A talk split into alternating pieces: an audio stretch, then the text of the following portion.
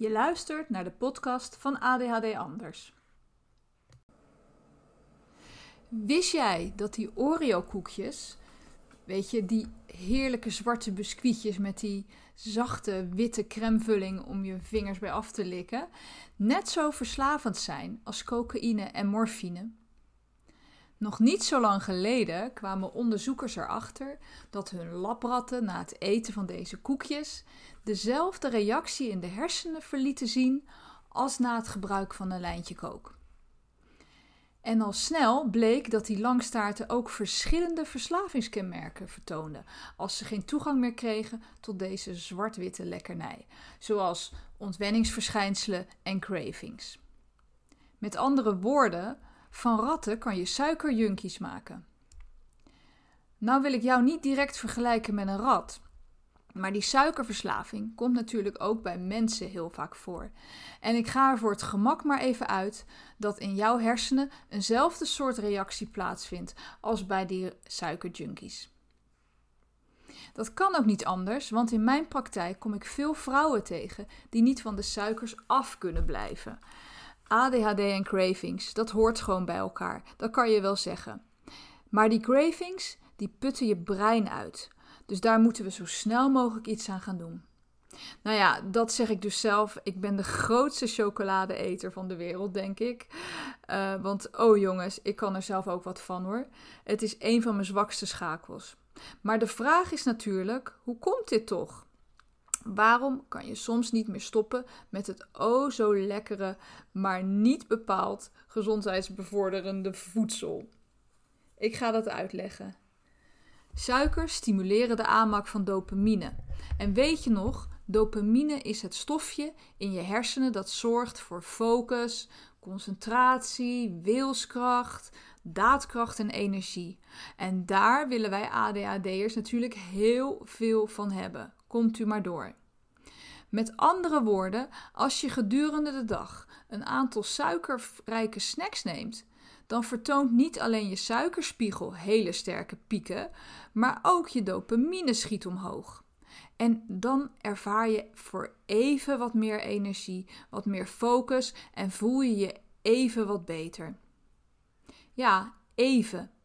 Want al snel zak je weer als een plumpudding in en ervaar je juist minder focus, minder energie en minder zin om dingen aan te pakken.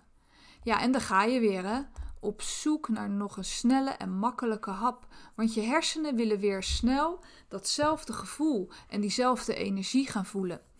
En ondanks dat je heel goed weet dat je beter iets gezonds kunt gaan eten, overroelen je hersenen dat idee en die eisen suiker. Wel nu.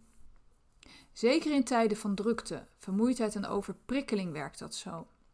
Je hersenen worden daarom ook wel je egoïstisch brein genoemd. Hey, en dit verzin ik niet zelf, hè, maar dat komt echt uit de wetenschap. En waarom? Omdat je hersenen altijd energie nodig hebben.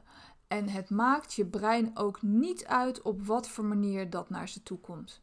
Alles is voor Bassie. I want it now and I want it fast. Dat is zijn motto. Het is een heel erg veel eisend ding, zeg maar. Je brein dwingt je, zeker als hij een energietekort aan voelt komen, de snelste en makkelijkste oplossing te zoeken. En die gaat jou echt niet nog eens stimuleren om je fiets te pakken, even naar de markt te gaan, een hele verse biologische groente te gaan kopen, waarna je weer naar huis fietst om een hele gezonde salade klaar te gaan maken. No way. Hij vraagt om snelle makkelijke happen, zodat hij een energietekort voor kan komen. En je ADHD, die blijft een achtbaan. Je suiker- en dopaminespiegel maken de meest wilde loopings. En jij lijkt op die rapper uh, die in die Elton John verandert. Weet je wel, in die snickerreclame. Vind ik altijd zo lachen. Je verandert uh, van een coole rapper in uh, Elton John. Je hebt nog maar weinig energie en je krijgt ook te maken met een kort lontje. Je bent gewoon jezelf niet meer. Herken je dit? En nog belangrijker, snap je dit proces? Want dat is belangrijk. Want kennis is macht. In dit geval power en energie. En als je de onderliggende oorzaken van ADHD leert kennen, waarvan dit er dus één is, dan kan je ook die ADHD-klachten zonder medicatie bij de lurven grijpen. Nou, als je hier meer over wilt weten, dan kan je ook lid worden van de gratis ADHD Anders community op Facebook. En daarin geef ik iedere week een mini-webinar. Ik ga dan live en met een super interessant onderwerp. Uh, waarmee ik hoop dat jij ook je ADHD-klachten op een uh, gezonde en uh, ja, fijne manier kunt verminderen. Nou, ik hoop je daar te ontmoeten. Het heet ADHD Anders Community. En uh, anders uh, zie ik je misschien, uh, of ik zie je niet, maar ik hoor je gauw op de volgende podcast. Ciao, ciao!